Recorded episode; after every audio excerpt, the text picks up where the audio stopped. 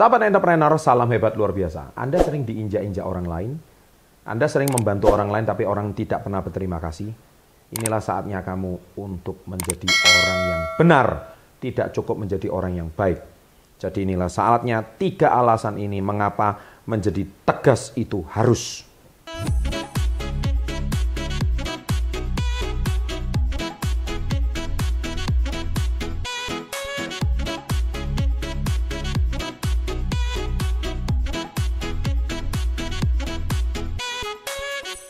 Kamu sering kan dipinjam duitnya tapi nggak dibalikin?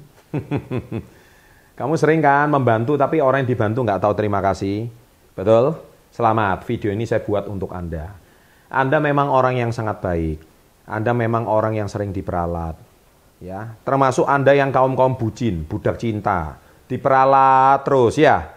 Nah, akhirnya ujung-ujungnya tidak ke pernikahan tapi malah dinikahi orang lain. Nah, selesai. Inilah video yang memang saya buat tujuannya untuk Anda, karena Anda sering diinjak-injak orang lain.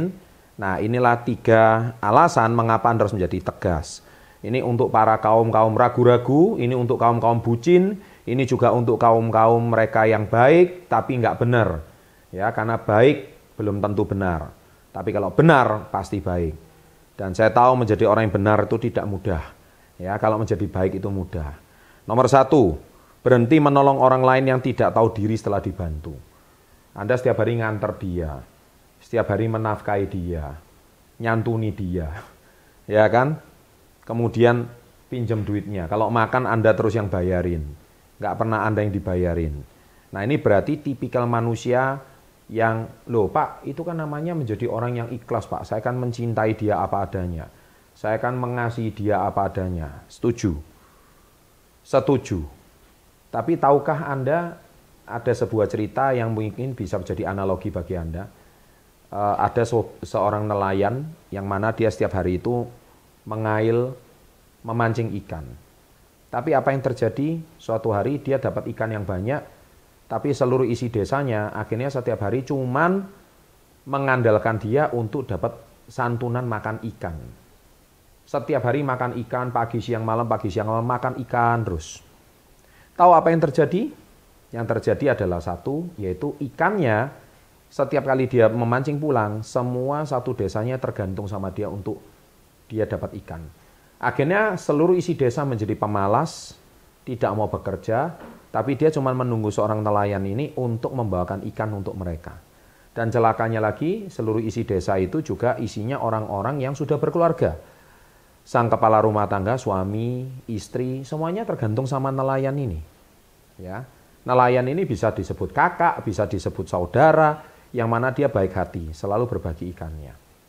Yang asalnya ikan itu tujuannya hanya untuk istri dan anaknya, giliran tetangga-tetangganya meminta dia ikan. Dan alasannya apa? Kenapa dia tidak mau mengambil ikan sama um, memancing sendiri? Alasannya satu, tidak pernah dapat ikan. Tapi setiap hari ikannya dia ngambil. Nah, Pertanyaan saya, nelayan ini baik nggak? Baik sekali. Banyak nggak orang kayak nelayan ini? Sangat banyak, di Indonesia sangat banyak. Tapi benar nggak nelayan ini? Jawabannya tidak benar. Kenapa dia tidak benar?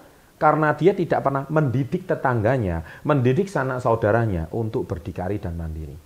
Dia selalu memanjakan. Nah, jadi bahasa memanjakan itu terjadi di Indonesia. Nah, para kaum yang Anda sering diinjak-injak adalah karena Anda terlalu memanjakan saudara Anda, Anda terlalu memanjakan tetangga Anda, Anda terlalu memanjakan orang yang Anda anggap saudara atau bahkan saudara angkat. Nah, ini di Indonesia banyak sekali kaum-kaum seperti ini. Nah, saya ingin berpesan melalui video ini ya, jadi jadilah orang yang benar, sekalipun Anda dicap sombong, sekalipun Anda dicap sadis, sekalipun Anda dicap dicap pelit, I don't care, kita nggak peduli, tapi Anda sudah mendidik orang lain ke jalan yang benar. Nah, yang kedua, Berhenti dahulukan orang lain, dahulukan dulu terlebih dulu kamu dan keluargamu. Kalau orang tua kamu aja masih kekurangan, anak istri aja masih kekurangan, buat apa Anda nyantuni dan menafkahi keluarganya orang lain? Anda mau jadi sinterklas atau apa? Itu sudah jelas nggak mungkin.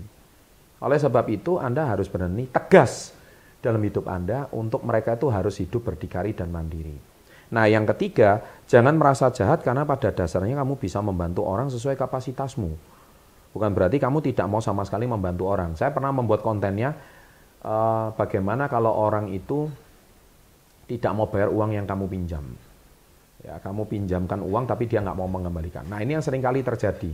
Maksudnya apa? Jangan merasa jahat pada dasarnya kamu bisa membantu orang sesuai kapasitasmu. Ingat ada kata sesuai kapasitasmu.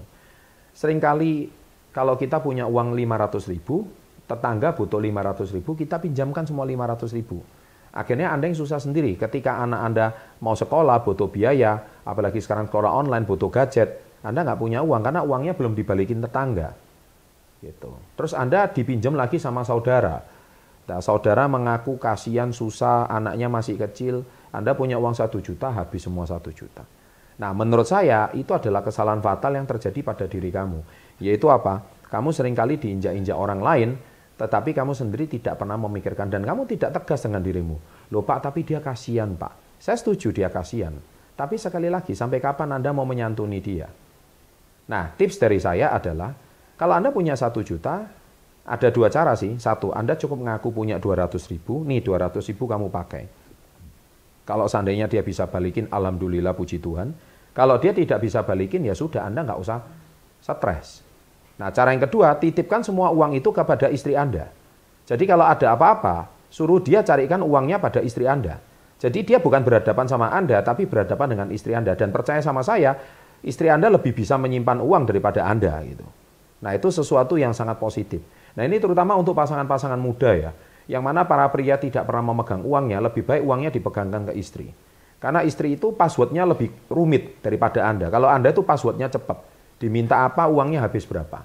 Nah ini para istri pasti setuju kalau nonton video ini. Dan semua para istri pasti tertawa terbahak-bahak. Kok nggak dari dulu suami saya nonton video ini? Oke? Nah, saya rasa video ini saya buat tujuannya untuk para kaum-kaum baik, kaum-kaum yang merasa dirinya ini apa paling paling penyayang, pengasih sayang. Nah, inilah video kali ini saya buat tujuannya untuk Anda. Demikian sahabat entrepreneur, semoga video ini bisa menginspirasi Anda. Sukses selalu, and salam hebat luar biasa.